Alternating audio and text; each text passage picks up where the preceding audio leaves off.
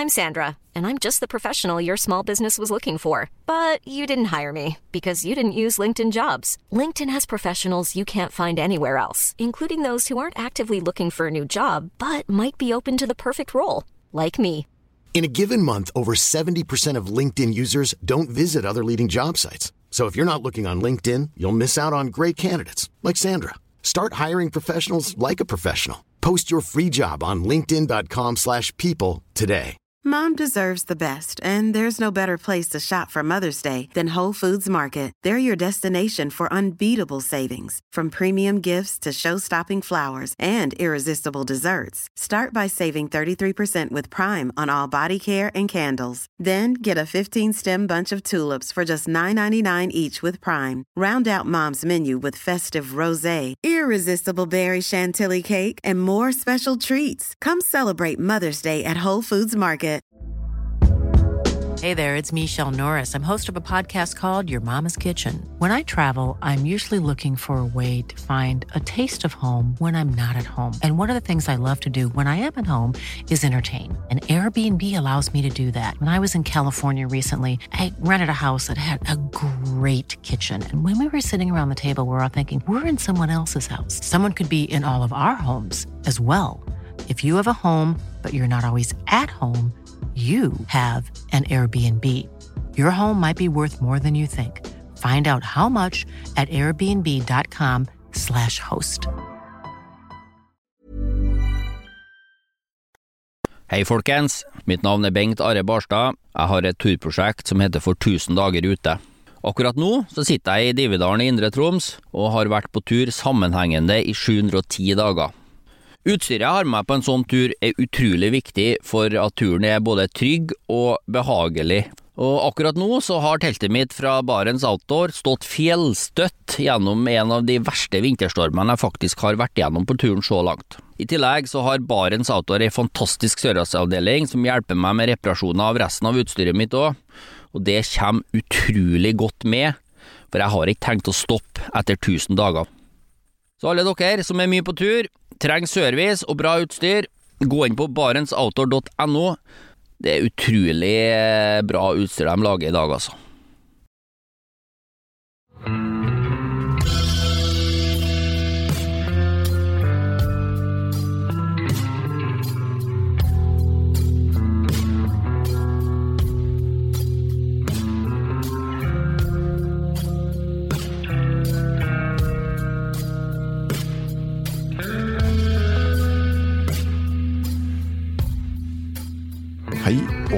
Velkommen til podkasten Uteliv. Mitt navn er Randulf Valle. Det er nok mange av oss som drømmer om en tur Norge på langs. Men så er det vel òg sånn at for de aller fleste så blir det bare med drømmen. Men dagens gjest har gjennomført denne langturen tre ganger. Til fots, på ski og i robåt. Stemmer det, Rolf Erik Poppe? Det er eh, riktig. Mm. Og så vidt jeg vet, da, det finnes jo en sånn eh, nettside som har lister over Norge på langs gjennomføringer, og så vidt jeg har funnet ut, så er det bare da Bjørn Tomrøn som har flere gjennomføringer av Norge på langs enn det. Det kan også være riktig, jeg har ikke sjekka den lista sjøl, men eh, Polkabjørn har vært ute en vinternatt og en eh, sommernatt i- på havet, ja. Det er morsomt. Altså, vi, vi tar jo opp dagens eh, episode i det som må kunne kalles veldig passende omgivelser. Vi sitter på Lordalshytta i Lesja kommune, helt på grensa til Reinheimen nasjonalpark. Nydelig villmarksområde mellom Lesja og Vågå, kan vi si. Grense til Tafjordfjellene. Eh, Du er ikke tilfeldigvis passert forbi her på en av turene dine? Nei, dette området passerte jeg ikke på noen av turene, faktisk. Og, men å være her nå har jo vært veldig overbevisende om, uh, om hvor flott det er i disse traktene. Da. Reinheimen har man jo hørt om, og det skuffa jo ikke. Nei. Um, nei, vi- skal snakke mer om dine opplevelser på de her langturene snart. eh, Men vi skal òg prate litt om det triste faktum at en del av den villmarka som du har passert gjennom på turene dine, den er ikke lenger urørt, eller den er i fare for å forsvinne. Og det er jo også noe som du eh, jobber med til daglig, det med, med arealplanlegging. Det er riktig. Mm. Men aller først, da, så lurer jeg på, har du hatt en fin tur eller naturopplevelse nå i det siste? Ja, jeg har hatt uh, to fine turer nå de to siste dagene med deg og broren min og Jakob, en god venn. Men uh, hvis jeg skal se bort fra de og litt lenger tilbake i tid, så vil jeg gå to uker tilbake i tid da jeg var på en uh, bitte liten skitur med dattera mi på fem år og moren min. Vi gikk en veldig kort liten tur i Valdres der jeg bor, og vi fyrte et bål. Og det var ingen langtur overhodet, men eh, jeg må si at eh, gleden i å se en femåring og alt de er nysgjerrig på, det tror jeg vi voksne også har mye å lære av. Da. For det har veldig lett for å bli at vi voksne kanskje fokuserer på mål og ikke er til stede. Mens eh, disse barna de kan jo bli forundret over en liten pinne eller Så det er rett og slett fascinerende å se hvordan barna, tror jeg, er mer til stede på tur enn mange kanskje er. Mm. Tror du at for deg som da har tre ganger Norge på langs i bagasjen, altså er det lettere eller er det vanskeligere å på en måte roe seg helt ned til det nivået sammen med ungene da? Uh, nei, jeg tror nettopp det at uh, Jeg mener jo det er en forskjell på det å være på tur så lenge, som du kanskje er enig i. Du har jo mm. mange langturer bak deg sjøl. Jeg mener at det er en annen opplevelse enn å være på en helgetur. Uh, for du får nettopp mer tid til å komme ned og lande og være i hva skal man si, du kommer kanskje mer i en slags harmoni med naturen. Mm. Så jeg mener at det gjør at det kanskje blir lettere å nettopp se, se det, på en måte. Mm. Ja.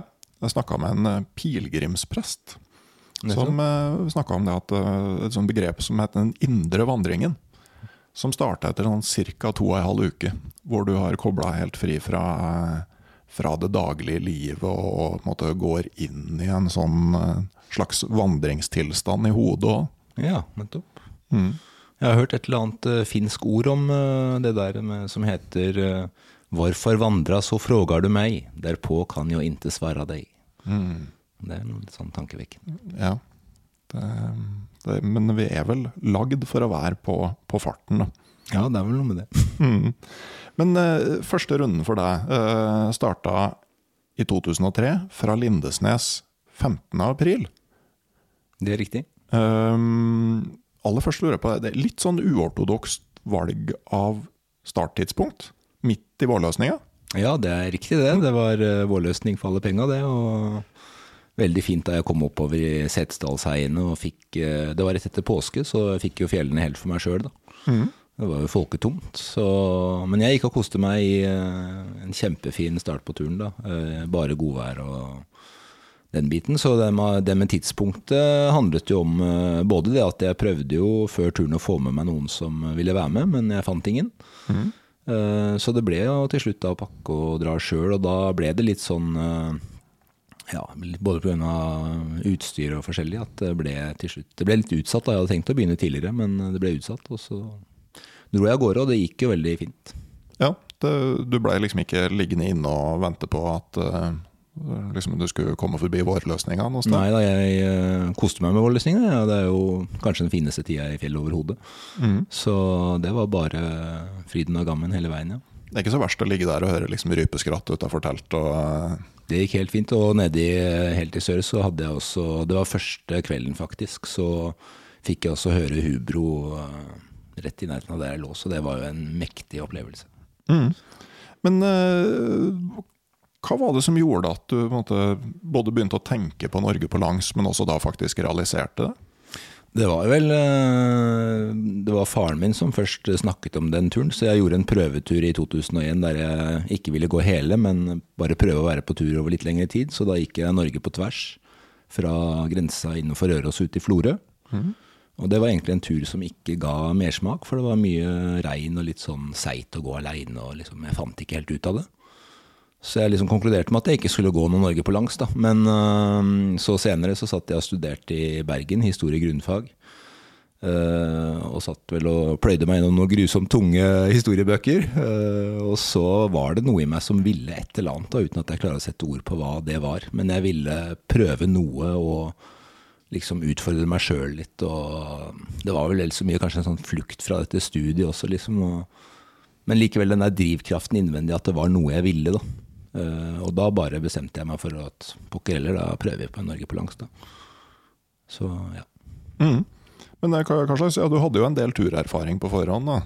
Ja da, det var jo den Norge på tvers-turen eh, primært. Men eh, før det, det er klart, jeg har vært på tur hele barndommen med mye med moren min og broren min og faren min. eh, som eh, har gitt selvfølgelig en god, et godt grunnlag, men likevel, jeg hadde ikke noe Jeg vil ikke si at jeg hadde mye erfaring med dette med eh, primus. Og? Jeg var jo, kom jo akkurat da i skillet mellom stormkjøkken og primus, Og, si. Og det var mye jeg på en måte måtte lære, lære sjøl på den turen. Så det var veldig Ja, det var gøy å få det til. Ja, Men det er jo klart også at eh, altså, det må du jo lære sjøl om du begynner med 14-dagersturer. Og Norge på langs, altså, det er jo ikke på en måte én sammenhengende ekspedisjon, på et vis. Altså, sånn, eh, det, det, er jo en, det, det er jo en haug med sånn én til to ukersturer stabla etter hverandre. Det er riktig. Det, det er vi enige om. at Du kan jo proviantere og nettopp eh, sørge for hvis utstyr går i stykker, og få fiksa det ved nærmeste tettsted. For det er noe sånn i Norge da, at det er, eh, du er jo sjelden veldig langt fra nærmeste mulighet for å komme deg til sivilisasjon.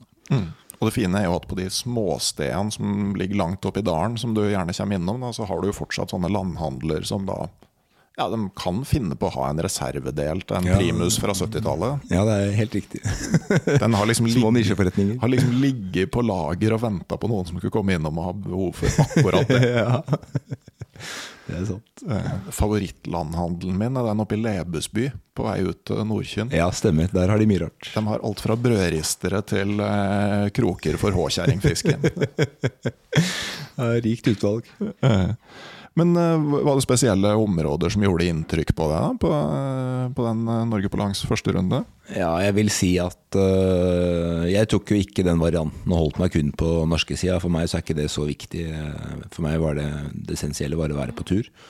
Uh, så jeg må si at jeg syns jo både både altså nordlige deler av Sverige, opp mot Padilanta og Stora Sjøfallet nasjonalpark, de var jo voldsomme. eh, Og ikke minst Finnmark og Troms uh, syns jeg liksom var Det var nok det ypperste på, det, på den turen, syns jeg. Ja, hva var det som greip deg med de områdene? Det er eh, storheten, eh, hvor storslått det er, da, og majestetisk. eh, rett og slett. eh, og så er det jo Ingen av de områdene er jo spesielt prega av eh, store utbygginger av noe slag. Da. Så du får virkelig følelsen at du er eh, langt fra folk og Ja, den mm. mm. Ja, for jeg tenker sånn som på Padialanta, det er jo egentlig veldig sånn flatt og altså, hvert fall hvis du sammenligner med Sarek, litt lenger mot øst. Ja, det er mye mindre spektakulært enn Sarek sånn sett, men jeg syns de der store, åpne landskapsformene der Som landskapsarkitekt òg, så ser man jo litt på landskap og gjør seg sine betraktninger. Det, var, det var noe magisk med det. Men det er klart, alt dette er avhengig av eh, person, og ikke minst eh, Hadde det bare vært dårlig vær, så hadde jeg sikkert sittet igjen med et annet inntrykk. ikke sant? Så Men, men er det på en måte like mye sånn den der indre følelsen av vær i veldig stor, uberørt natur, som eksakt det du ser, da? Uh, ja, det er for så vidt uh, en riktig observasjon, ja.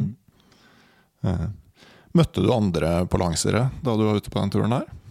Ja, jeg møtte en eh, kar fra, var han fra Kinsarvik, da, en båtbygger, som jeg møtte oppe i Troms. Han var på vei sørover. Så vi slo av en liten uh, timinuttersprat i Lyngen før eh, vi gikk hver, til vårt.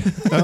Hvor lenge går det, ut før du, går det før du finner ut at, eh, at vedkommende er på vei Norge på langs?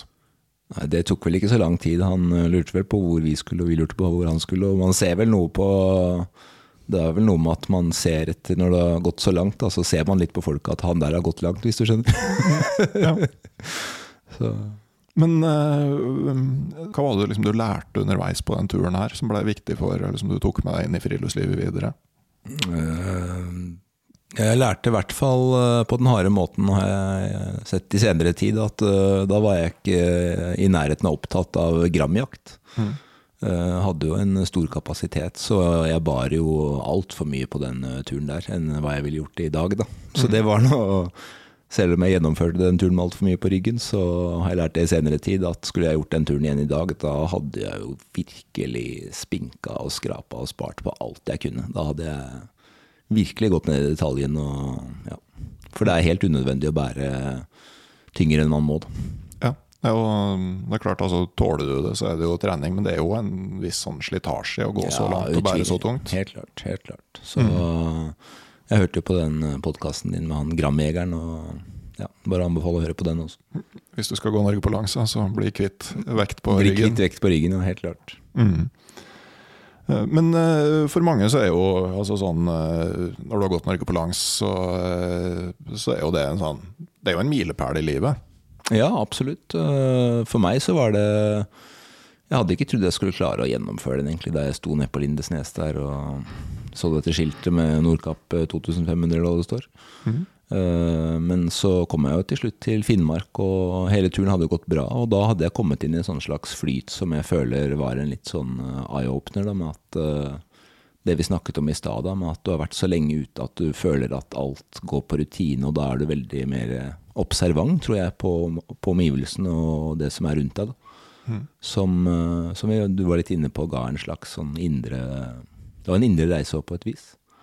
Og det mener jeg er veldig kobla opp mot det med at du har tid, masse tid, og at du er i eh, fine omgivelser og ser fine ting, og lukter bra ting, og hører eh, Det gir en veldig egen ro, rett og slett.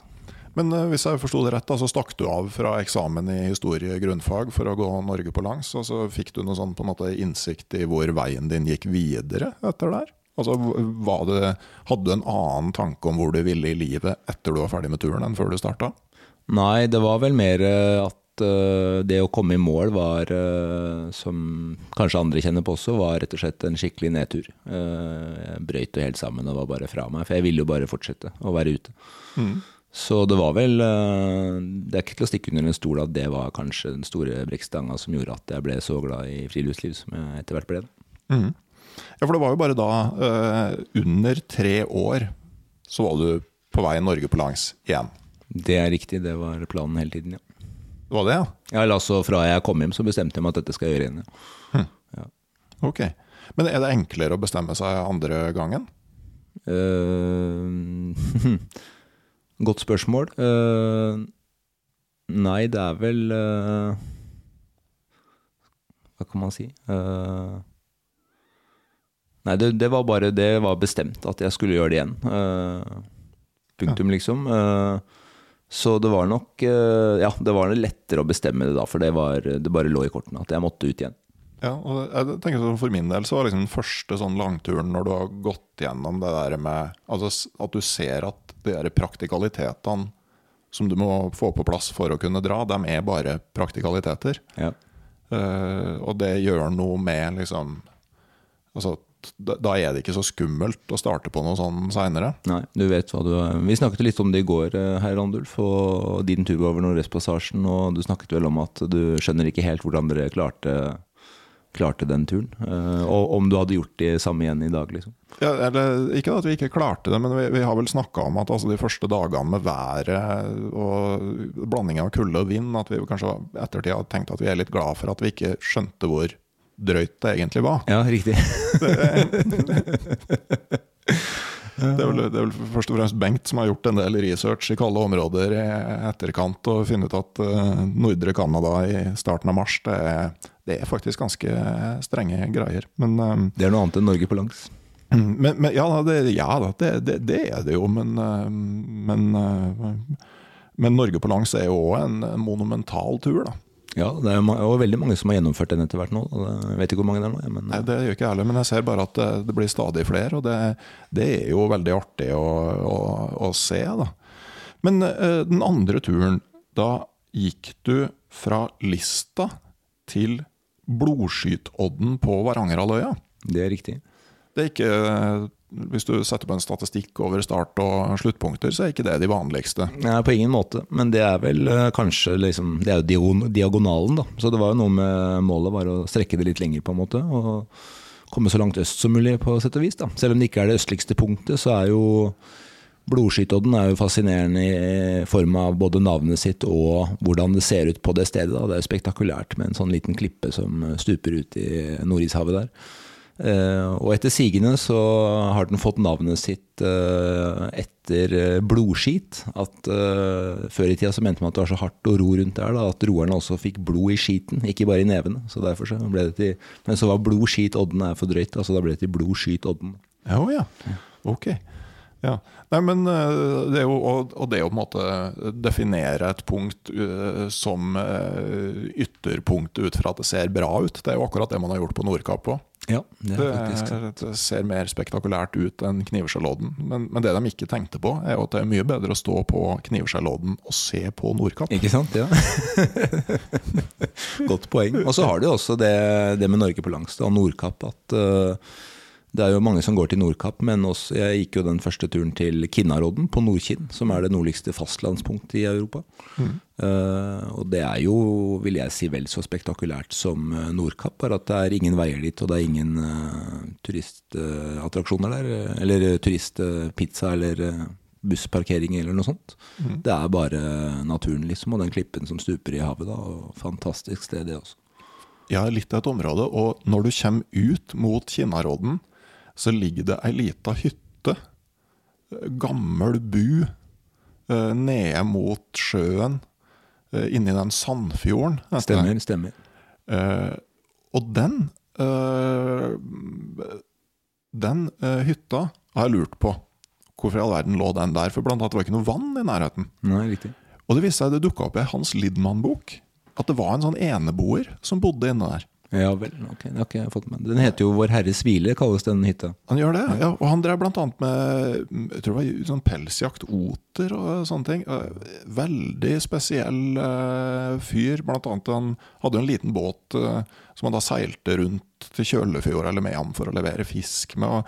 Det var liksom aldri så mange ganger at han hadde forlist. da. Så det, det er sånne, sånne historier som lenge etterpå kan dukke opp da, fra, liksom, fra landskapet. Det syns jeg er litt fascinerende. Kan du huske, når, huske når cirka det var? eller? Det var under krigen. Ja vel, akkurat. For jeg mener å huske at det lå et fiskevær inni den bukta som ble tatt av storm.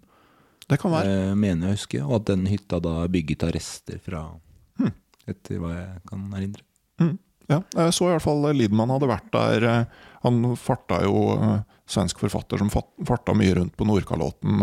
Skrev flere sånne reiseskildringsbøker, i stor grad fra Finnmark, i årene etter, ikke så lenge etter krigen. Og Han var ute og snakka med han eh, fyren der. Han fikk heteslag og svima av nede i noen av de her eh, bekkedalene der, mener jeg. Det var liksom ganske sånn spesielt. Men det, det var en, en digresjon, da. Men, eh, men når dere starta på lista 7.1, altså, da var det en, en rein skitur. Det var en vintertur, ja. Mm. Hvordan, eh, og, og da dro du jo sammen med en uh... Ja. En som heter Magnus Frøysåk. Ja. mm. Hvordan var det å gå sammen med noen? Det var eh, bra, det. Fungerte bra, det. Første turen gikk jeg jo 60 dager alene og 40 med faren min. Og den andre turen gikk jeg da hele turen sammen med han Magnus. Og da vi kom i mål, så sykla jeg en god bit av landet tilbake igjen aleine, da. Eh, Selv om det ble amputert sykkeltur pga. litt fergestreiker og forskjellig. Ja.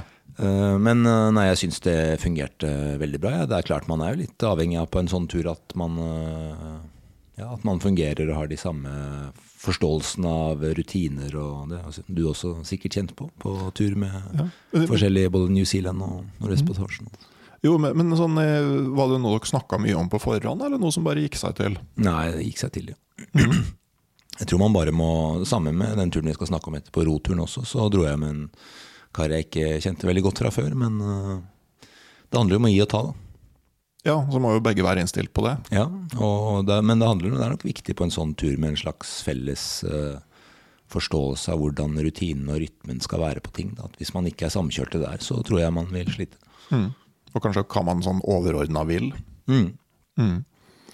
Men, eh, men her, da, altså eh, Dere kom fram akkurat tre år etter at du starta på første turen. Det mener jeg å huske riktig, ja. Ja, 15. april. Altså, hvordan var liksom eh, Du starter jo i januar, og sjøl i Sør-Norge så er det jo relativt mørke dager. og oppe i heiene helt i sør i, i januar. altså Hvordan var det?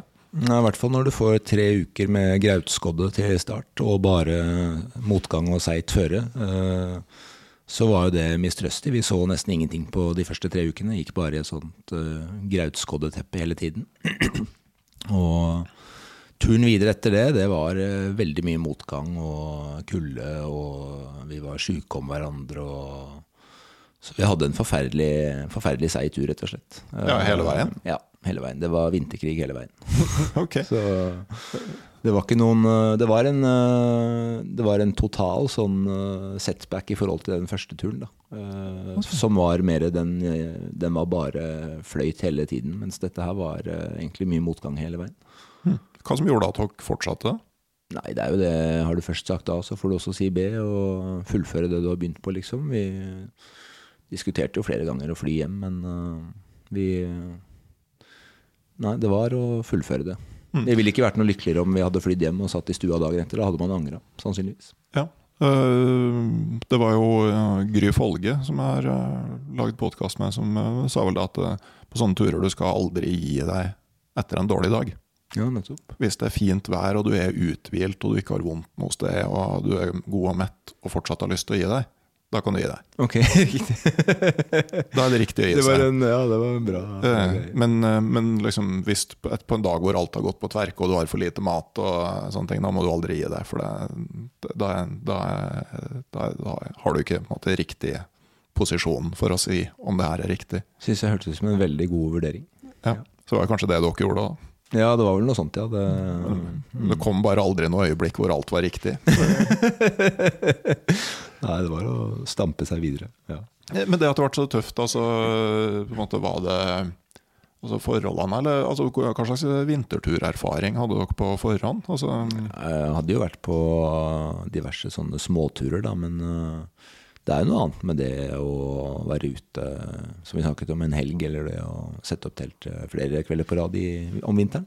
ja. ja, for det, Hva var det som blei tungt, liksom, mer sånn konkret? Nei, det var jo denne motgangen, da, at vi følte at det var øh, Først så var det skodde, og så var det, fikk vi masse nysnø som gjorde det seigt og trått å dra seg fram, og så var det kulde, og så ekstrem kulde oppe ved Rørosdraktene. Da hadde vi jo minus 38 i telt en kveld. øh, rimelig frosne pølser til middag. Eh, og så var det Det tærer jo på i lengden. Eh, og så følte det var liksom aldri det der eh, at det løsna på en måte. da Vi fikk aldri det godværet og, og at ting eh, fløy. Så det var, det var en seig tur. Ja, altså opp gjennom, eh, altså, opp gjennom Sverige og inn i eh, Troms og Finnmark. eh, Altså, dere fikk liksom aldri den vårtur-skifølelsen, eller? Ja, det er riktig. Jeg hadde vel noen øyeblikk oppe i Finnmark etter hvert. Og ja, en annen dag var det selvfølgelig, men alt, alt i alt så var det ja, mye motgang. Ja, hvordan blir naturopplevelsene? Altså fargede liksom opplevelsene dine av, av området? Jeg tror vel at uh, uten at det hadde vært noe Hvis du ikke hadde på en måte registrert naturopplevelsen eller tatt de innover det, så tror jeg at du hadde Da hadde man kanskje da i hvert fall hadde kanskje jeg heller gitt opp, da, for det var jo nettopp det som eh, bidro til å Altså, ja, alle spesielle lyssettinger og jeg husker bl.a. en kveld oppe i Nordland da vi gikk over Krabbfjellet og hadde sånn fantastisk månelys, og vinden bare hamra på. da. Eh, Helt sånn trolsk stemning. Så det er jo sånne øyeblikk som gjør at du kanskje driver deg videre. Noe du ville gjort annerledes på den turen, sånn i retrospekt? Ja, skulle jeg gjort det igjen, så, så ville jeg nok uh, tatt den første varianten med å begynt faktisk i seinere ute på, da. Og fått godt gått i vårløsninga, for det var, var utrolig flott. Når uh, vinteren slipper tak og våren kommer, det er jo Det er herlig. Ja. Men det er jo òg utfordrende, da, når, du, når du er avhengig av progresjon i én gitt retning. Ja. Det er, uh, vi er enige om det. det er, eh, men eh, det mener jeg er verdt det, da, for du får eh, mange fine øyeblikk. Eh, Men, eh, men du opplever det som helt annerledes å gå Norge på langs om vinteren da, enn om våren og sommeren? Definitivt. Mm. To helt forskjellige planeter. De aller fleste som går Norge på langs, de undervurderer den første biten i sør. Altså de, det gaupeterrenget eh, Man hører liksom heiene, det høres så snilt ut. Ja, Setesdalsheiene jeg, jeg tok den varianten med at jeg begynte på rulleski. da. Jeg Gikk eh, fire dager på rulleski først. Eh, på begge turene, faktisk. Eh, så det, da unngår man jo mye av det kronglete greiene der nede. Men jeg vet jo det er de som går det terrenget også, da. Og det fins noen stier og noen greier nedimellom der òg. Men det, det, er jo berykta for å være gaupeterrenget. Mm. Men når du kommer opp i Setesdalsheiene, så er det jo litt som Ja, mm. da går det greit. Mm.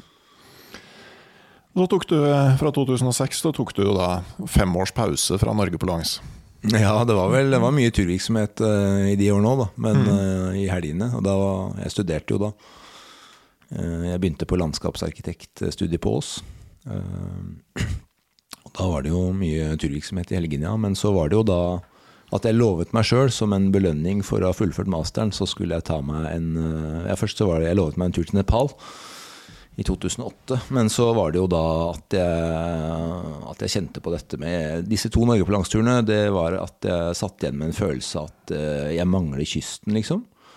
Uh, og da ble det at jeg begynte å pønske på dette med om jeg skulle lære meg å padle kajakk og padle kysten. Da. Uh, og så bodde jeg da i et uh, kollektiv på Ås med en kar fra Bergen som heter Aksel Bjørkli. Veldig bra kar. Eh, og han hadde vokst opp med litt sånn eh, Oselver-tradisjon. da. Oselver er jo Norges nasjonalbåt. Eh, veldig spesiell båttype som Og det er veldig fascinerende, for den båttypen har man jo da funnet aner av i disse vikingskipgravene. Så man har funnet båttyper som har mye av de samme egenskapene som en Oselver. da. Så dette er en arv som går veldig langt tilbake. Eh, så vi bodde i dette kollektivet sammen, og så fortalte jeg han om eh, at jeg ikke har pønsket på ro norsk, nei, padle norskekysten. Men så eh, var da Aksel tydelig på at han kunne tenke seg å være med på en sånn tur. da. Han har nok ikke så mye turerfaring som jeg hadde, da. men han ville være med. Og han hadde da vokst opp med denne båttypen og uh, luftet tanken om ikke vi skulle eventuelt hatt en Oselver. da.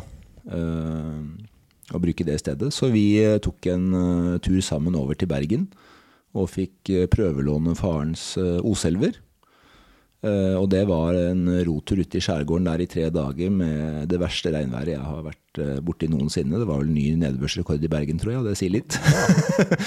Men da fant vi ut liksom at selv om vi da Ingen av oss hadde veldig mye roerfaring, egentlig, da. Men vi fant rytmen rytmen og ting funka veldig bra, så jeg ble overbevist om at Oselver var tingen. Da. Og jeg, jo, eh, jeg er jo langkrabbe, så jeg hadde jo veldig lite erfaring fra både roing og kyst. Da. Så dette var litt sånn nytt farvann, bokstavelig talt. Uh, og, men det funka veldig bra, så vi bestemte oss for at uh, Oselver uh, er tingen. og så kjøpte vi oss da en 120 år gammel Oselver på Finn for 23 000. Og så sendte vi den til en båtbygger og fikk han til å fikse litt på den for 5000 eh, kroner og lage et par ekstra årer til oss. Og så var liksom båten eh, Da var den kjøpt da, og klar. Mm. Hvordan fikk dere nordover? Det var ved hjelp av min fenomenale bror, da, som har kontakter opp gjennom hele kysten. Han jobber i oppdrettsbransjen, så han har veldig mye kontakter. Og egentlig så skulle Vi prøvde å få Hurtigruta til å frakte denne båten for oss. Men uh, de skulle nå ha noen kroner for det.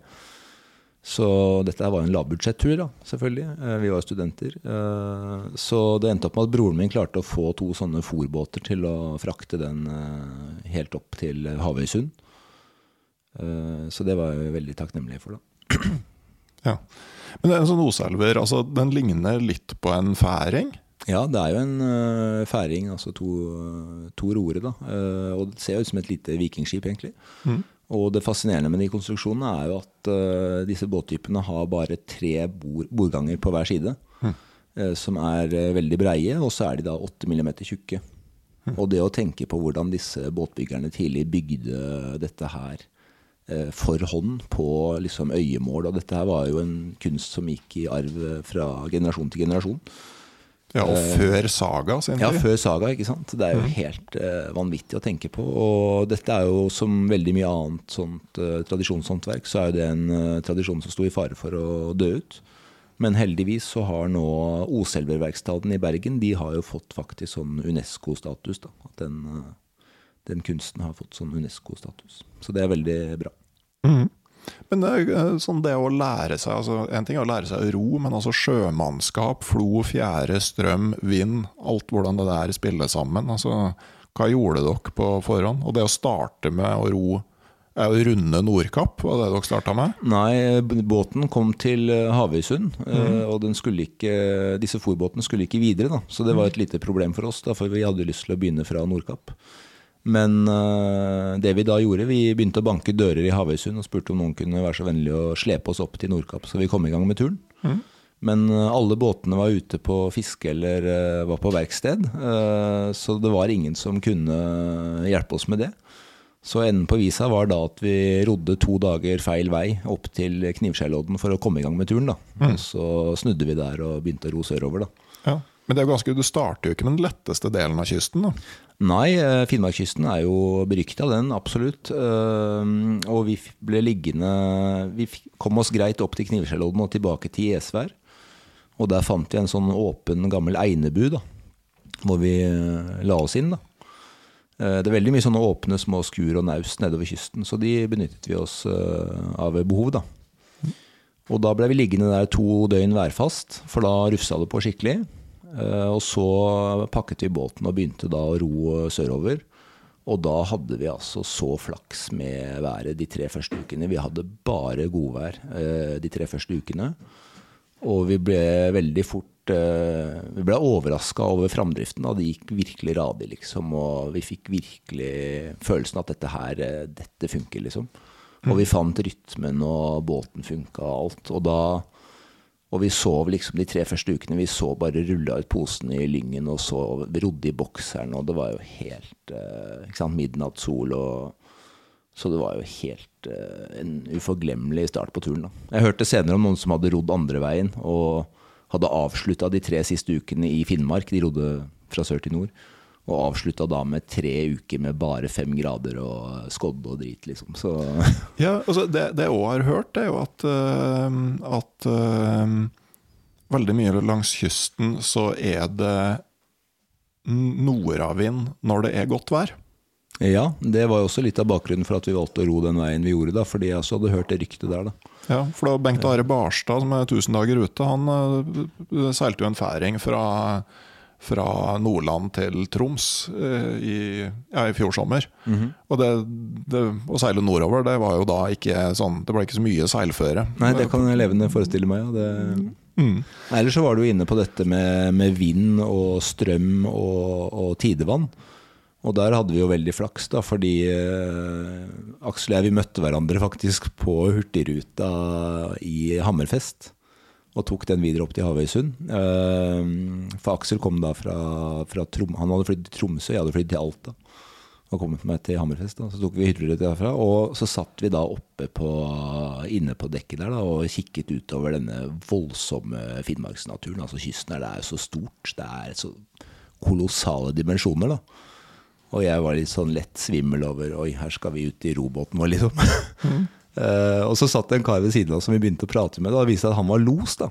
Ah. Og så spurte han oss ja, ok, hvordan har dere tenkt å gjøre dette her, liksom. Og vi hadde jo bare sendt av gårde båten og tenkt å begynne å ro, da. Mm. Og så ok, nå skal dere høre på meg, jeg skal fortelle dere om tidevannstabellen. så han ga oss uh, gode råd, da, og vi fikk uh, låne kontoret på Hurtigruta og ta noen kopier av tidevannstabellen før vi kjøpte vår egen. Og han lærte oss å lese den, og, og kom da med det gode rådet at uh, hovedregelen er da at strømmen langs kysten den faller sørover på, eller går sørover på fallende sjø mens den går nordover på stigende sjø. Det kan gi så mye som én knop med eller uh, motbør. da. Hmm. Så vi lærte fort at vi skulle kun ro på fallende sjø. da. Ja. Så det vil si at da Dette går jo en syklus på ca. seks timer. Så da rodde vi typ seks timer, og så gikk vi land og sov og slappet av i seks timer. Og så var det opp igjen. da. Og sånn gikk hele døgnet. da. Uh, og denne syklusen forskyver seg jo ca. en time hvert døgn. Så når du står opp klokka to den ene natta for å begynne å ro, så står du opp klokka tre den neste natta. Mm. Det er jo fint i Nord-Norge og i Finnmark med, på sommer med midnattssol. Da. Så kan var, du jo uh... Som Knut Hamsun skriver, det var sommernetter og stille vann. ja, det var magisk å sitte ute på, på Lopphavet der f.eks. midt på natta. ikke sant? Du er aleine, og det er midnattssol og fugleliv og praktfullt. Ja, og det, det, er jo ikke de styggeste områdene altså på vei til Lopphavet, sånn eh, gjennom Sørøysund og eh, Altså de Ja, de som kjenner meg litt, vet jo at jeg har et veldig svakt punkt for Seiland, men du har jo Stjernøya og Loppa. Ja, det er, eh, som du sjøl har registrert der, det er jo noen Jeg syns jo også det partiet fra, fra Knivskjellodden og forbi Gjesvær og ned mot Hammerfest der også er det jo helt Vi kom til en plass som heter Burstad. Jeg vet ikke om du har vært der, Randulf? Nei. Eh, det er en plass som ligger en sånn liten framskutt odde som ikke har veiadkomst. Som ligger mellom uh, Havøysund og, og Hammerfest. Mm. Og der uh, lå det typ fem hus fra tidligere tider. Og det var så, sånn liten poll, så du, liksom, du er skjermet for havet. da. Og det var så stei. Alle husene var forlatte, da, ikke sant? Som, brukt som sånn sommerhus. da. Mm. Og det var så praktfullt og flott. og Mm. Det, det, dette som vi snakket om, dette landskapet, og se, se hvordan de folkene da har klora seg fast og livnært seg opp i de omgivelsene disse, hvor disse fiskeværene har vært plassert og sånn, det er jo, man kan bare ta av seg hatten. Ja, det er jo en del av de plassene altså, hvor mange som har bodd på småplasser. Altså, sånn mm. som på Nordkyn, hvor du har uh, hvor du har Finnkongkeila, som er en liten, trang dal hvor det bodde 1000 mann. Helt riktig. Det... Liksom folketetthet på eh, linje med Tokyo, omtrent. ja, ikke sant. Og selv oppi der, det er også fascinerende, at oppi der hvordan det tyske krigsmaskineriet holdt på selv oppi de ytterste utpostene der under krigen, er også veldig fascinerende, syns jeg. Mm.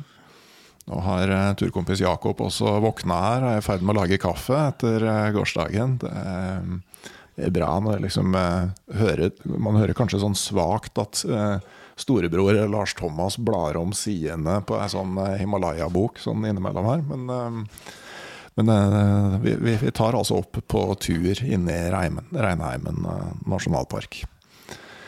Men men jeg tenker jo også, bare for å fullføre det med, med liksom Seiland og loppa og sånn altså det, det, er jo ikke sånn natur som man egentlig tenker på med Finnmark. Altså 1000 meter høye fjell med isbreer og alt stuper rett i, i, sjøen. Det er jo liksom eh, Det er ikke det man tenker på der. Nei, det er vi enige om. Det er, eh, og det er jo noe som skiller seg vesentlig fra liksom Finnmarksvidda, som, som jeg tror veldig mange forbinder Finnmark med.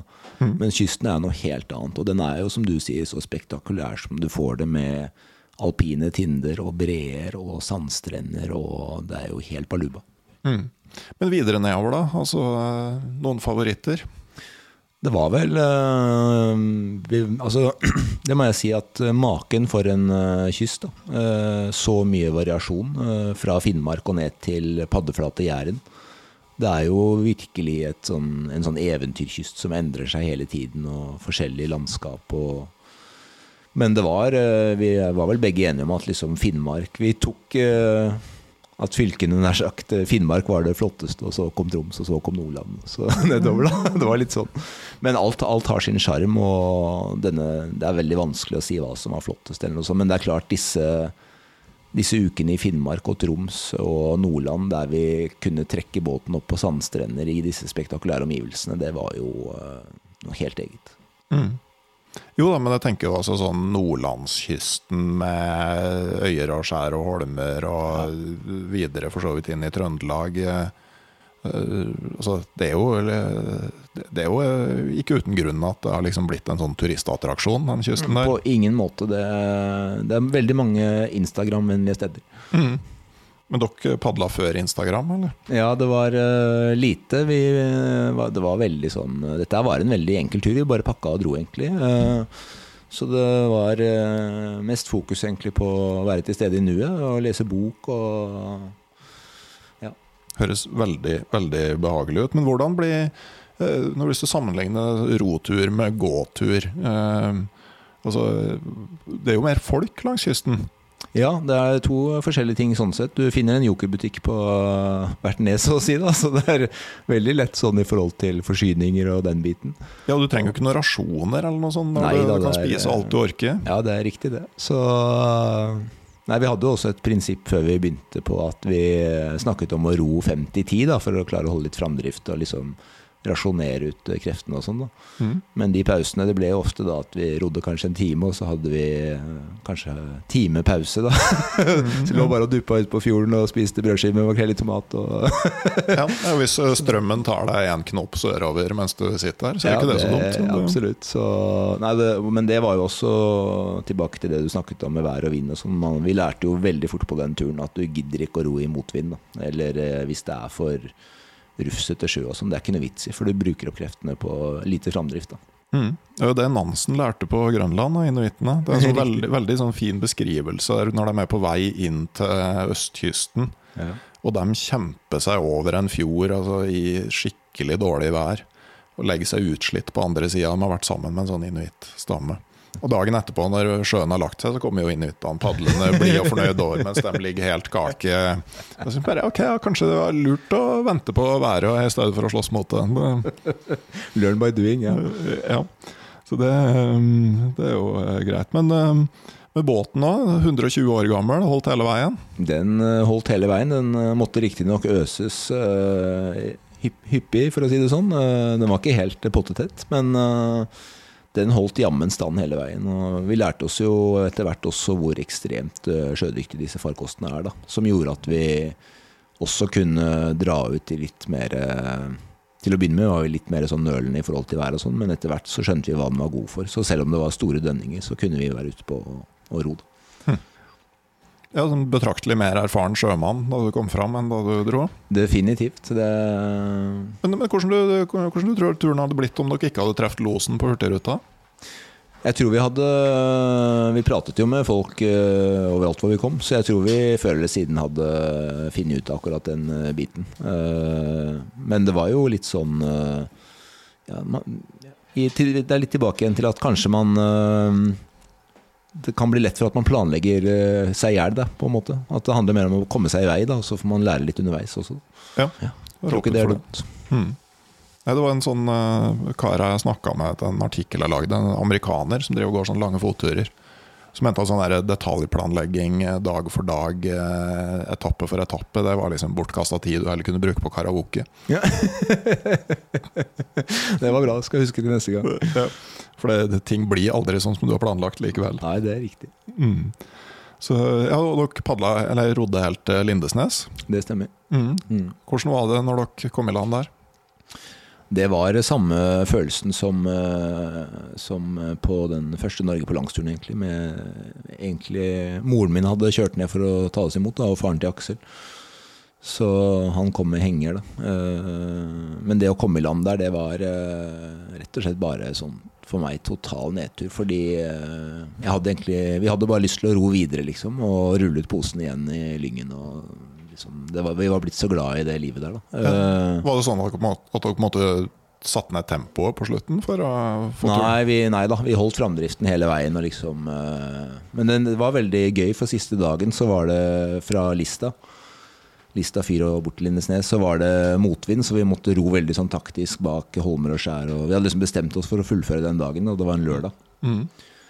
Og så nærmet vi oss en, et lite sted som heter Korshamn, eh, før, som er siste stopp før Lindesnes. Da. Og da kom det bort en eh, båt eh, til oss med feststemte ungdommer. da Som hadde, hadde skikkelig sommerkveld liksom, med øl og mor og tjohei. Og så, så hadde de hørt hvor vi kom fra. da Og da begynte de å lempe over øl til oss, og helt rått, liksom. ikke sant? Og så rodde vi videre inn mot Korshamn, som er et sånt trangt, lite sund. Og så stoppet vi der for å ta siste matpausen. Og dette her er et lite sund som på en måte knekker i en nesten 90 graders vinkel. da.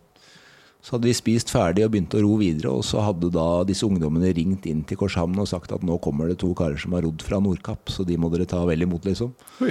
Så da sto det plutselig masse folk på bryggene med flagg og trompeter og ropte hurra og liksom heia oss fram. da, Så det var jo helt eh, var en fantastisk avslutning på Ja, det. det er jo kult med litt oppmerksomhet òg, da. Ja, det er moro, og særlig når det kommer sånn eh, Sånn uventa. Eh, Samme som i Hoddevika på Stad. Hvor eh, der også ble vi tatt i land av eh, 10-15 stykker på brygga som hadde bakt sveler og champagne, og ringt NRK, hadde de gjort. Og det var liksom Ja, men, eh, men over til det litt mer sånn eh, alvorlig her. For at eh, tenker sånn for deg, så det, jo, må jo være veldig sånn positive minner, de turene her. Det er riktig, den Ja, absolutt. Eh, godt å ta fram iblant. Ja, og de Kanskje særlig den roturen, den eh, er veldig sånn eh, Dette havet og disse Jeg har- faktisk veldig ofte framme den følelsen av disse bølgene, dønningene, som du liksom kan kjenne på og høre. Og, ja. Den friske luften er liksom eh, Det, det er faktisk eh, ganske sånn til stede i kroppen på en eller annen måte. Ja. Men samtidig så er det på en måte eh, litt sånn malurt i begeret for det her, fordi at den kysten du rodde forbi, den er ikke sånn lenger. Nei, det er jo øh, denne kysten som øh, jeg mener må være blant øh, Eller hele Norge som helhet, vil jeg si, må være blant landene i verden som har den flotteste naturen overhodet. Og den kysten er jo Det er en grunn til at Hurtigruta har den reisen de har. Eh, Men den kysten er jo nå totalendra bare siden vi rodde for ti og et halvt år siden. Mm. I form av vindkraft. eh, Mye, da.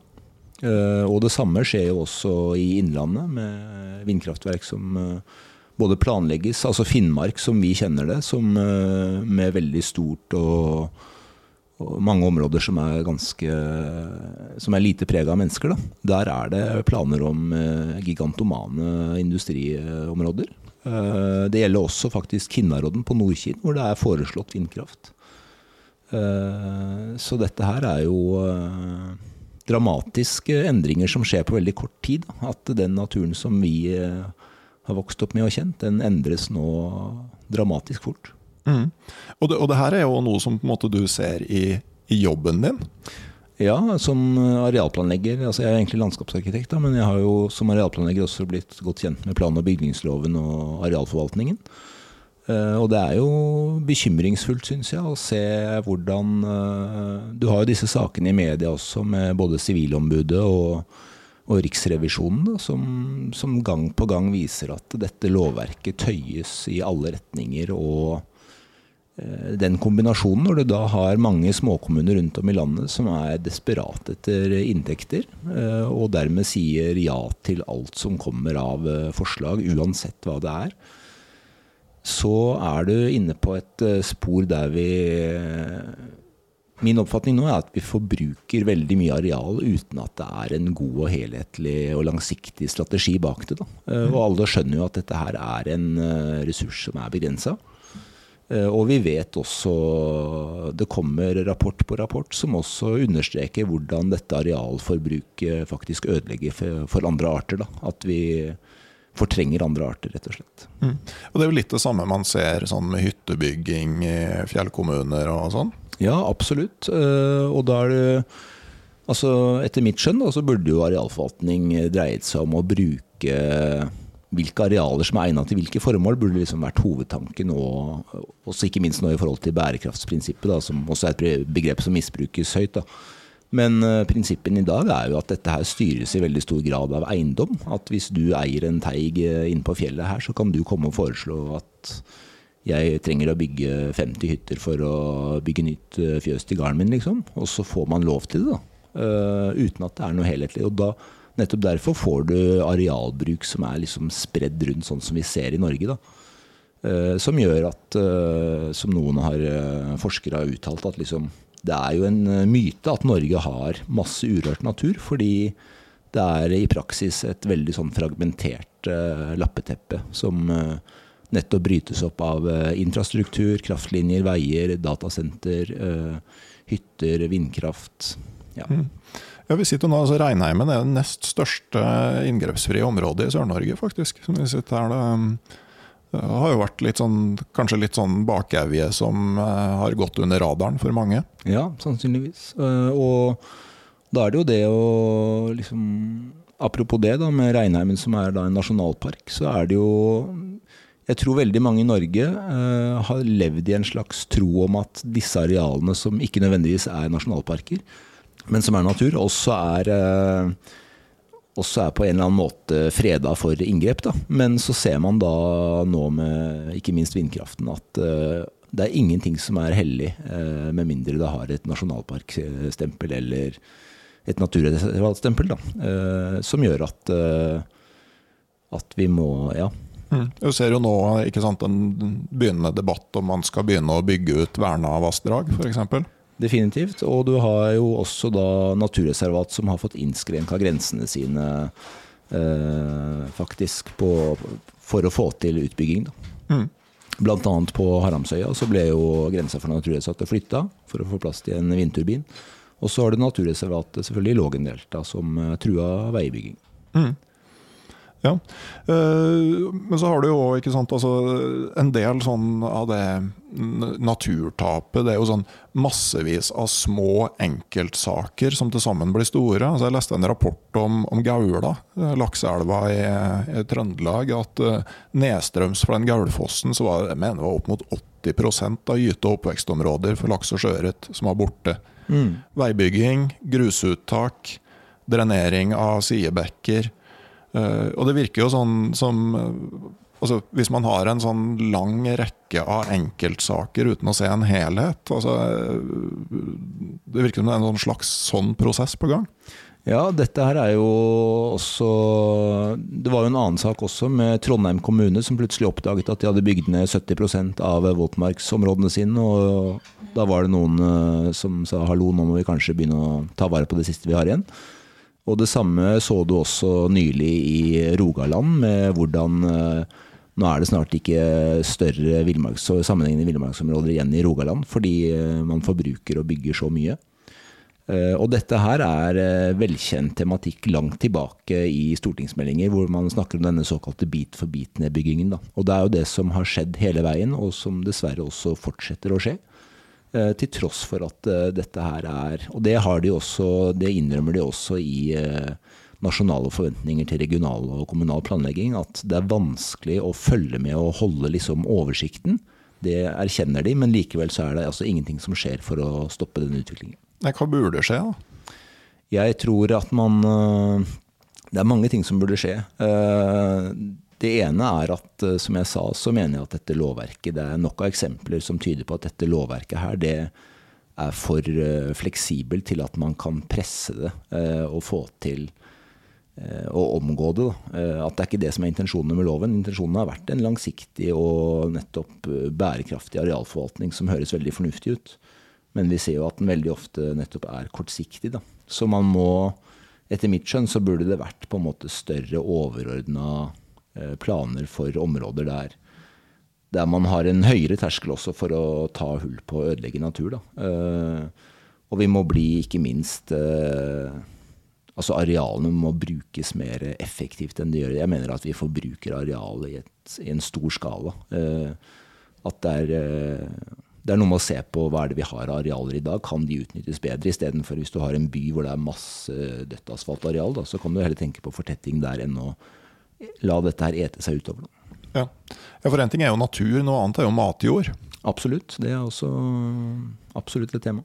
Mm. Ikke minst nå med den forferdelige situasjonen i Ukraina, med å se på hvordan vi gjør oss avhengig av andre. og ja, Kanskje må vi være litt smartere i framtida. Mm. Eh, men eh, altså sånn eh, Du jobber jo det med det her, men altså sånn Det er jo lett for Altså både når det gjelder vindkraft, og kanskje spesielt der, men også på andre relaterte tema. Altså vi, vi, søker sammen på en måte i ja, nettfora, møter og sånn, hvor, hvor de som er enige, møtes og diskuterer sakene og er enige. Men, men, men, det må jo finnes bedre måter å påvirke på? Ja, absolutt. Og det handler jo om at jeg tror, Det er også litt noe som jeg syns er litt sånn Hva skal man si eh, det er litt leit å se hvor mange som eh, er ivrige på nettopp på både Instagram og Facebook og sosiale medier eh, på å poste bilder fra flotte turer, men eh, samtidig som vi vet hvor mye av denne naturen som da ødelegges mens vi sitter her. At ikke flere engasjerer Jeg tror Hvis alle engasjerer seg mer, da, så tror jeg man kunne påvirket mer.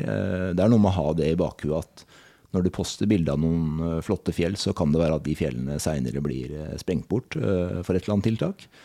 Eller din nærnatur også, som mange opplever da, nå dessverre, at nærnaturen forsvinner fordi det presses på fra alle kanter. Da. Og så har du dette med at jeg tror det er veldig få som egentlig vet hvordan arealforvaltningen foregår, og hva som er prinsippene bak det. Og den jo, legger jo opp til at folk må engasjere seg. Og det gjelder jo i lokalsamfunnene, at folk må sende høringssvar når det er planer. Eh, veldig viktig disse kommuneplanene, selvfølgelig, som skal, er liksom en overordna plan for hele kommunen for de neste gjerne ti årene. Da, jo, da, da, legges veldig mye av føringene for hvilke arealer som vil bli brukt til hva. Og så Det er jo kjempeviktig at eh, folk engasjerer seg i det. Det angår jo oss alle. Mm. Ja, det er klart, eh, ja, for, for det er det jeg tenker på. Altså, du kan være indignert på Facebook og Instagram, men det er mye mer effektivt hvis du sørger for at det kommer svar med, med reelle og konstruktive innspill når, når det ber, bes om høringssvar. Absolutt, det er uh, helt riktig. Og så har du også det med at uh, jeg holdt et foredrag på Landskapsarkitektenes fagdag i Larvik her i fjor. Og som en da sa i en sånn sofadebatt etterpå, så hjelper det jo ikke at vi sitter og alle er oppgitt og rister på hodet over at det som skjer er kanskje veldig dramatisk og faretruende. Eh, at man må også da Noen må ta poster som kommunedirektører og politikere og engasjere seg mer enn å skrive innlegg og den slags. Mm.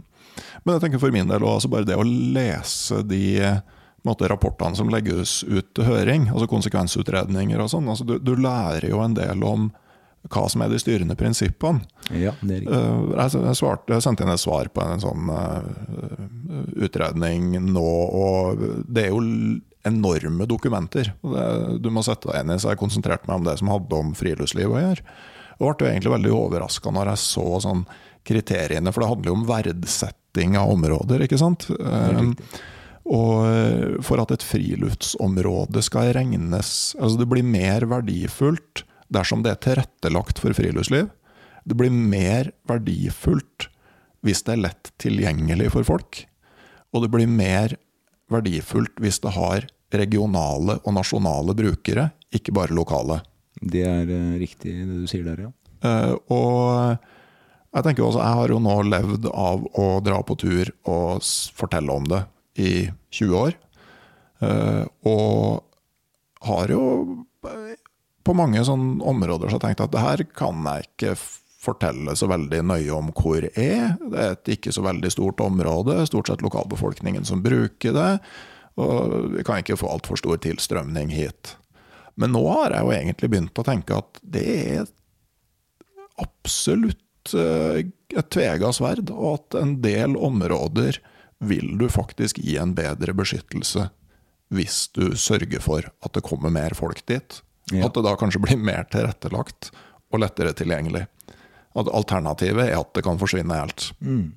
Det er uh, veldig tankefullt, tankefullt, det du sier der, og det er nok uh, i hvert fall sånn som systemet er rigga nå, så er det du sier helt riktig. Da, at uh, da er kanskje det prisen å betale er at flere må bli oppmerksomme på de verdiene. Og at nå, hvis ikke flere bruker det, så forsvinner det nesten. da. Det er jo det å si om, uh, om, den norske naturen at hvis du ser på dette her samla for Europa, da, så er jo vi faktisk eh, fortsatt privilegerte og har noen av de største sammenhengende villmarksområdene som er i Europa. Men de områdene er jo nettopp, som du er inne på nå, så er de pressa fordi uh, at man anser de som egna for uh, ulike typer utbygginger, fordi de er inngrepsfrie, og de er langt fra folk, og de blir ikke brukt kanskje veldig mye, da. Uh, og da Så vi er litt inne på det, det du sier, har litt sammenheng også med dette med litt sånn nytt tankesett i forhold til både tiurleiker og orrfuglleiker og rovfuglhekkinger. At man uh, går nå bort fra mer og mer bort fra det tidligere prinsippet om at disse bør beskyttes og ingen må fortelle om det, til at folk heller blir gjort oppmerksom på at det hekker faktisk en kongeørn i det reiret. Og så kommer det da flere og liksom passer på, så å si. da, At det er liksom en ny tanke da, i forhold til tidligere tankesett, som har vært nettopp å ikke fortelle og hysj-hysj. Mm. Nei, det blir jo litt sånn uh, Altså, jeg, jeg, er jo veldig lite glad i sånne absolutte standpunkt. At du er alltid for eller alltid mot uh, et eller annet. Men jeg tenker jo når man da begynner å planlegge vindkraftverk bak Rastigaisa inne på liksom Børselvfjellet og Laksefjordvidda, som da er et av de få virkelig sånn store, relativt inngrepsfrie villmarksområdene man har, så, så, så, framstår det som veldig lite smart, i mine øyne. Ja, Det er vi helt enige om. Det der er jo et av de store virkelig omdiskuterte uh, sakene. Uh, og da er vi inne på akkurat det vi snakker om. Og dette her vil jo også gi veldig store synlige konsekvenser på lang avstand, uh, i et så flatt landskap, selvfølgelig. Så er det Da er det litt tilbake igjen å se på dette med disse utredningene og sånn. Og, og det har det vært mye skriverier om, ikke sant. Men er disse er de objektive, eller er de virkelig farga av utbyggersiden? Eller hvordan er dette her henger sammen? Liksom? Og det er det jo veldig mye å lese om og, og si om, selvfølgelig. Uh, og så har du det vi snakket om også, med at det er det er jo leit at man ikke ser dette her samla. Altså, de var jo inne på Jeg tror hvorfor vi har fått et så stort folkeopprør mot dette her, det er at disse prosessene har skjedd litt sånn i det skjulte. Det har blitt foreslått et vindkraftverk her og ett der, og osv uten at man har sett sammenhengen. Og plutselig så er det da gitt konsesjon til uh, ca. 100 vindkraftanlegg i Norge, som er uh, voldsomt store inngrep. Uten at folk har vært kjent med at det kommer til å skje. Og så ser man plutselig det overordna kartet, og så er det hele kysten og mange steder. Og samme Finnmarkskartet som er, det er foreslått flere steder i Finnmark. Og dette her vil bryte opp og nettopp fragmentere og stykke opp enda mer av, av den naturen vi har igjen. Mm. Ok, men, eh, men, hvis vi liksom kan prøve å oppsummere litt, da, altså, altså at, uh, det er viktig å på en måte ta del i de reelle prosessene hvis Absolutt. man ønsker å påvirke det her. Altså, det er ikke, altså, det er klart, altså, Sosiale medier er jo fine for å få med seg folk, men man må få med seg folk inn dit de politiske beslutningene blir tatt. Ja, det er jo det som er uh, absolutt uh absolutt viktig. Og så mener jeg også at forvaltningen sjøl må jo hva skal man si, må gå i seg sjøl. Altså, Birdlife Norge, tidligere Norsk ornitologisk forening, de har jo sendt masse høringsuttalelser til disse vindkraftsakene bl.a. Og det er jo forstemmende å se hvordan noen av disse vindkraftverkene er planlagt eller plassert midt i viktige fugletrekk. Eh, da er det på en måte altså faginstang... eller Fagressursene blir jo ikke hørt i det hele tatt. Da. Eh, de blir bare overkjørt. For dette skal vi ha uansett hva konsekvensene er. Er jo svaret. Så jeg mener jo at vi må også få på plass uh, at faginstansene blir mer lytta til. Ja, og så ser du det jo på andre felt. Altså Jeg sitter jo i glasshus som har hytte i nærheten av et villreinsområde. Uh, og uh, det er jo ikke noe jeg skal holde skjult, men det, men det er jo litt sånn ikke sant, at veier og hytter og utbygginger presser Eh, sånn type områder sammen. Og til slutt det man diskuterer, er jo om det skal være lov å gå på tur med telt inne i mm. områdene, fordi at området har på en måte blitt så lite. Mm. Det er uh, Villreinen er også det er et eksempel på dette med plan- og bygningsloven da, og, og, dette med hvordan eh, ting tøyes. med at Hvis du ser på utviklingen der, så ser du at det, du har kanskje regionale planer der det sier at du har ikke lov å bygge nye hytter inne i villreinens leveområde. Men så blir det gitt dispensasjoner i La oss si du har fem kommuner som da har grenser inn i dette området. Så blir det gitt to dispensasjoner i hver eh, kommune. Da mm. Da har du plutselig fått liksom ti nye hytter inne i villreinområdet. Det er jo sånn dette her foregår, og som da fragmenterer og stykker opp eh, enda mer. Mm. Som for din del, da, så er det, er det noe sånn område av de du har passert på turene dine, som som du føler en sånn spesiell sorg over? Jeg må jo si både altså dette som har skjedd nå Trøndelagskysten har jo fått virkelig kjørt seg på, på vindkraft nå, da. Eh, det er veldig eh, trist, syns jeg. Og ikke minst det kartet som viser eh, altså omsøkte tiltak i Finnmark. da eller planlagte vindkraftverk i Finnmark, det også er jo særlig dette som er Norges nest største sammenhengende område, som nettopp er nord for Astigaisa. Mm. Det er jo veldig Det er jo opprivende å tenke på at det kan komme 260 eh, turbiner der oppe som er dobbelt så høye som Oslo Plaza, midt inne i det totalt urørte eller inngrepsfrie området, da, mm. som er så majestetisk. Det og, og Nordkinn også, selvfølgelig, å se. Men jeg syns jo at ja, Vi snakket om at denne naturen vi har, den er, alt har sitt særpreg og sine, sine sære, sære hva, heter det? Alt, alt har sin sjarm, liksom. Så det er jo trist det som skjer overalt. Om det er nærnatur, eller om det er Finnmarksvidda. Liksom. Mm. Men så er det jo, når du ser enda mer sånn overordna på det altså Jeg bare la merke til nå det har jo vært relativt dyrt med strøm i vinter. Ja, og det, for en del så er jo det helt klart problematisk. Men jeg så en sånn tomatprodusent nede på, jeg tror nede på Østlandet. som jo da måtte stenge ned produksjonen og snakke om hvor, hvor dyrt det her blir. Men samtidig så har det jo da i ti år Det er jo ti år siden en kompis av meg faktisk bygde et, eh, var med å bygge et eh, anlegg på landbruksskolen på Mære i Nord-Trøndelag. eh, Som da ved hjelp av smart energiøkonomisering da, kutter kutte energiforbruket i tomatproduksjonen med 80% CO2-utslippet med 99% og øke tomatavlingene med 50 Altså sånn, Den teknologien finnes der, men blir ikke tatt i bruk. Nei. Og det er jo et sånn tankekors det, ikke sant? at vi har eh, et, et samfunnssystem og et økonomisk system som ja, er rigga for vekst. Økt forbruk. Nesten avhengig av det. Og at ikke sant, altså eh, Hvis du hvis du investerer i energiøkonomisering og smartere bruk av energi, sånn at det vi har, holder, så får du ikke noe vekst. Nei, det er riktig det du sier nå. Det Ja. er, eh, Sånn på, på statsbudsjettet så ser det dårligere ut enn om du bygger ut og øker forbruket. Det har vært mye skriveri rundt det der også, selvfølgelig også i forhold til denne vindkraften. Da, med, og det, det virker jo mer og mer som en sånn der at dette er bare noe vi hiver oss rundt og begynner på, uten at noen egentlig har utgreia og gjort eh, en grundig forarbeid i hva er det vi kan nettopp eh, effektivisere. eh, Hva med denne alt, Alle som har snakket om opprusting av eksisterende vannkraft, hvor mye det kunne bidratt. da, Men det virker det som på en måte det kommer først etterpå, når vi allerede har gitt 100 konsesjoner. er Hvor er den helhetlige planleggingen i det, da? Så er det jo så klart en veldig sånn stor og kompleks eh, debatt, det her. Det skal, man, det skal man jo anerkjenne. Og jeg tror jo altså Et land som Norge vil jo også i framtida kanskje måtte basere seg på å være en netto energieksportør. Altså Nettopp fordi at vi bl.a. kommer til å være en netto matimportør. Sånn at eh, altså, energi er noe av det vi har vi kan eh, eksportere. Men, men det at når man skal gjøre så store inngrep, at man i mye større grad har en sånn overordna plan. Samme for mineralutvinning, ikke sant? hvor det er litt sånn i stedet for at man kjører en nasjonal kartlegging på hva er det vi har av mineralressurser, hva er behovene i verden, og hva skal vi prioritere å bygge ut, så får du sånn private eh, eller selskaper da, som går inn og her er det en forekomst, den vil vi bygge ut. Yes, helt riktig. Og da har du ikke det helhetlige, overordna perspektivet på ting. Nei. Jepp. Um, jeg tror det begynner å nærme seg en, en konklusjon. Da. Vi bør jo nevne til slutt eh, også dette nye som har oppstått i noen kommuner nå, som prøver dette med arealnøytralitet. Ja, hva er det?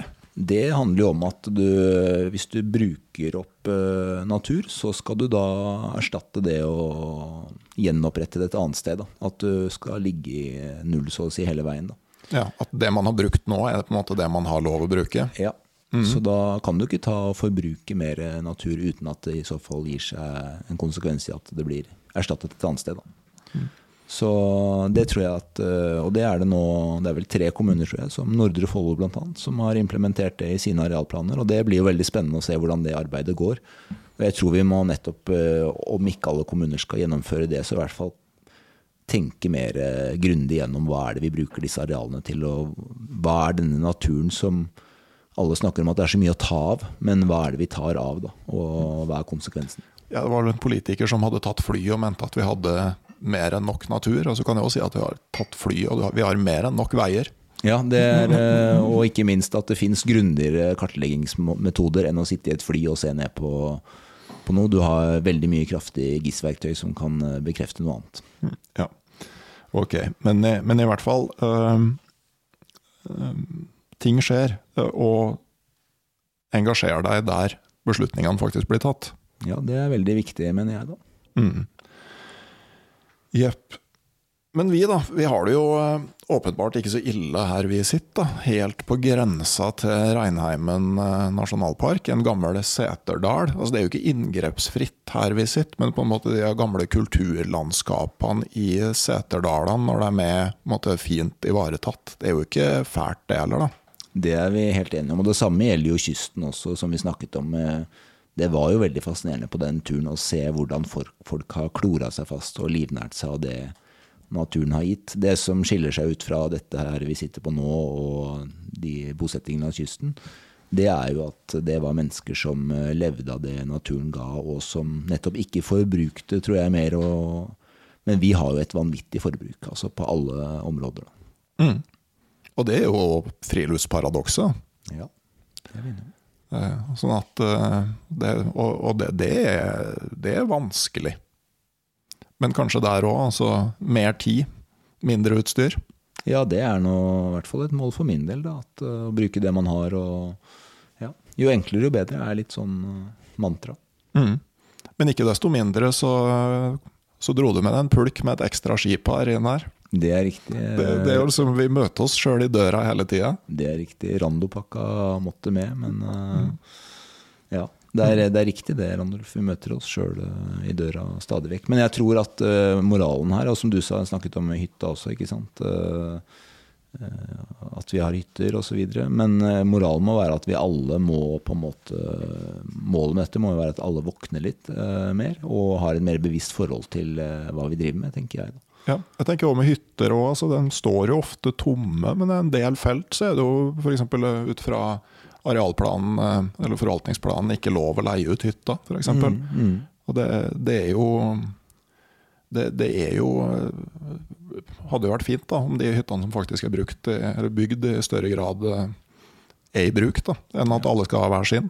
Absolutt. Mm. Og så er det mange, ja, mange som mener at liksom, hvis man eh, har hytte, så har man ikke lov til å klage på hyttebygging. Men jeg mener at nettopp det vi Vi kan ikke eh, på en måte Vi må si at akseptere hva som er gjort. Men det betyr jo ikke at det må fortsette å være sånn i framtida. Vi kan jo se på ting med nye øyne. og Ja. Og, og, og det er jo òg i mange kommuner altså, mulig å putte inn flere hytter hvis man gjør det på en riktig måte og Ja, på riktig sted. Ja, altså, det det, er- handler jo mer om å ha den der helhetlige tanken om hvordan det her skal foregå. Mm. Uh, og du kan jo på en måte ha en uh, altså sånn Du kan være mot at den nye veien blir bygd, men du trenger ikke å vrake bilen og ikke kjøre på den etterpå. Men det handler om å, å være med i prosessen da, for å dra ting i, i kanskje en annen retning over tid. Veldig enig i det. Men eh, når vi altså sitter her, da, det er vinter, begynner å nærme seg litt sånn vårfeeling. Du, Absolutt. som du sier sjøl, altså Våren i fjellet det er ikke det, er ikke det aller verste. Altså, vi har hatt ei veldig fin eh, langhelg her i Reinheimen. Men, men hvis du ikke skulle vært her med oss nå, hvor ville du aller helst ha vært da? Jeg eh, holder en knapp. altså Antarktis er, må jeg innrømme at jeg drømmer veldig om kysten av Antarktis. Med det livet som jeg har eh, sett der og lest om eh, veldig mye. Men litt nærmere så må jeg jo bare hoppe tilbake igjen i robåten og Finnmarkskysten. Ha båten trukket opp på en sandstrand der og ligge i lyngen og observere både fugleliv og kjenne på lukter og lyder. Jeg tror det er dit jeg aller helst eh, det mener jeg er noe av det mest eksotiske jeg kan tenke meg i verden. Og Det er Finnmarkskysten. Ja, Så landkrabba trekkes mot kysten? Ja, faktisk. Det, det er eh, den roturen også. Det er litt rart at helt fra barndommen av så Jeg husker en ekstrem fascinasjon for havet. Det er en verden som er helt uh, forunderlig. Og det, det var den også på roturen. Så det skuffet ikke. Nei, men det, det er jo noe med kysten i nord, det at du har fjellnaturen helt ned i fjæra. Ja. Det er um, rype og måke i samme luftrom, og ørret og ja, disse fuglefjellene, ikke sant. Gjesværstappan og Det er praktfullt. Tusen takk for at du eh, ville være med i podkasten Uteliv, eh, Rolf Erik Poppe. Det var veldig hyggelig. Takk for meg. Mhm. Kommer du til å gå Norge på langs en gang til? Nei, men det blir eh, repetisjon av roturen i 2031. Interessant. I en Oselver som da vil være 140 år gammel? Det Vi får se om det blir samme båten, men jeg håper jo det. Samme mannskap, samme båt. Ja. Da sier vi tusen takk til deg. Jeg skal helt til slutt som vanlig takke dem som støtter podkasten Uteliv på Patrion. Dere er med å gi et viktig bidrag til at vi ruller videre med stadig nye episoder. Jeg tenkte å nevne at podkasten Uteliv er på plass på messa Camp Villmark når den går av stabelen på Nova Spektrum på Lillestrøm fra 29. april til 1. mai. Nova Spektrum er for ordens skyld det nye navnet på Norges varemesse, så messa er akkurat der hvor den har vært før. Der er det ganske mye utstillere og et innholdsrikt foredragsprogram. Blant annet skal jeg ha et foredrag. Og dessuten så har podkasten Uteliv sin egen scene på messa, hvor det etter planen blir sju live podkaster i løpet av messa med interessante gjester. Jeg nevner òg helt til slutt at dem som støtter podkasten Uteliv som ekspedisjonsmaker på Patrion, får tilbud om gratis helgepass til messa. Det gjelder alle som er registrert som ekspedisjonsmaker innen 20. april. Uansett, som dere vet, det er bare ei uke til det kommer en ny episode av podkasten Uteliv. Og inntil da så sier vi rett og slett ha det bra.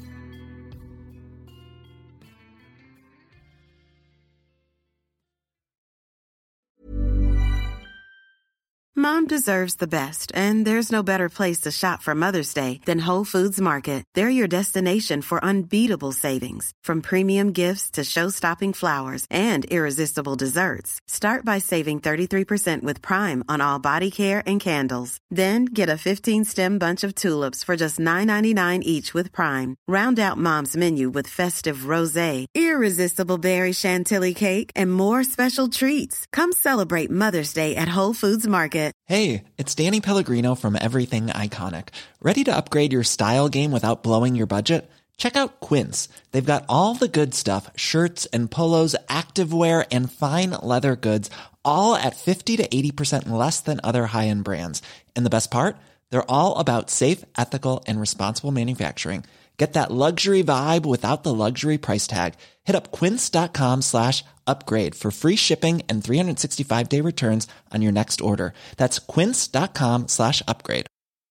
Mom deserves the best, and there's no better place to shop for Mother's Day than Whole Foods Market. They're your destination for unbeatable savings, from premium gifts to show-stopping flowers and irresistible desserts. Start by saving 33% with Prime on all body care and candles. Then get a 15-stem bunch of tulips for just $9.99 each with Prime. Round out Mom's menu with festive rosé, irresistible berry chantilly cake, and more special treats. Come celebrate Mother's Day at Whole Foods Market.